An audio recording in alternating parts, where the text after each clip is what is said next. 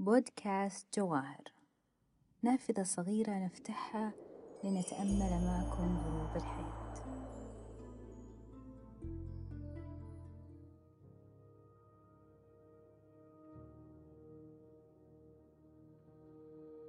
الأفعال والسلوكيات التي تخترق أو تنتهك المعايير الاجتماعية بما في ذلك القوانين المسنونة مثل القيام بعمل إجرامي أو الخروقات غير الرسمية مثل رفض عادات وأعراف مجتمع ما.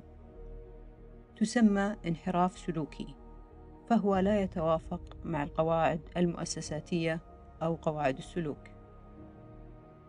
وأي ممارسة للسلوك الغير متوقع على المستوى الفردي والمستوى الاجتماعي هو انحراف وتطرف وميل عن الوسط والاعتدال.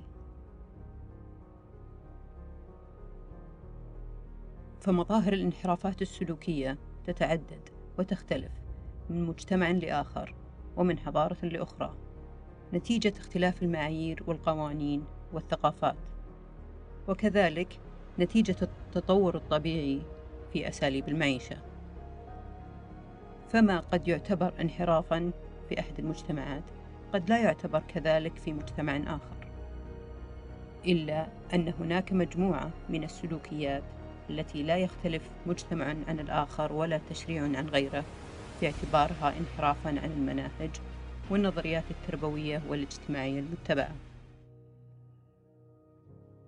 وجميع القواعد والسنن والتشريعات أجمعت على أن شخصية الإرهابي شخصية مركبة تجمع في خصائصها بين خمس شخصيات مصنفة على أنها مضطربة وغير سوية وهي النرجسية والوسواسية القهرية والشخصية من النمط الفصامي والمعادية للمجتمع والشخصية الزورية أي المصابة بالبارانويا.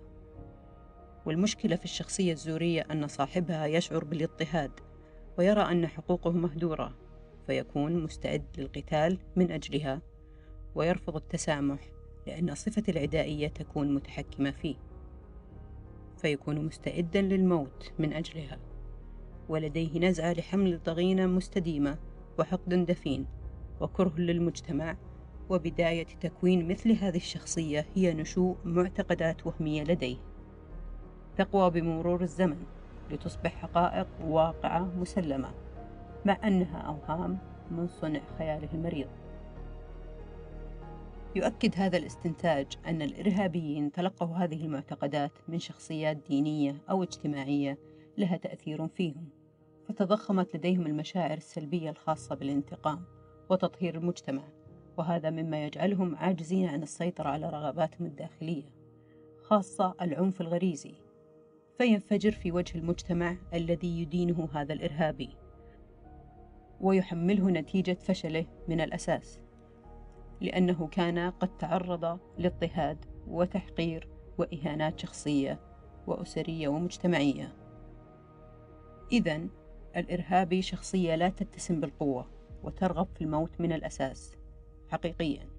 فشخصية الإرهابي الدموي تتميز في نقص الوظائف النفسية والاجتماعية والتفاعلية والتواصلية واضطراب الوعي والإدراك والتفكير مع الانطواء على النفس وتكوين عاطفي معيب يتميز بقابلية الانفعال بسهولة وعدم الاستعداد للتقيد بالنظم.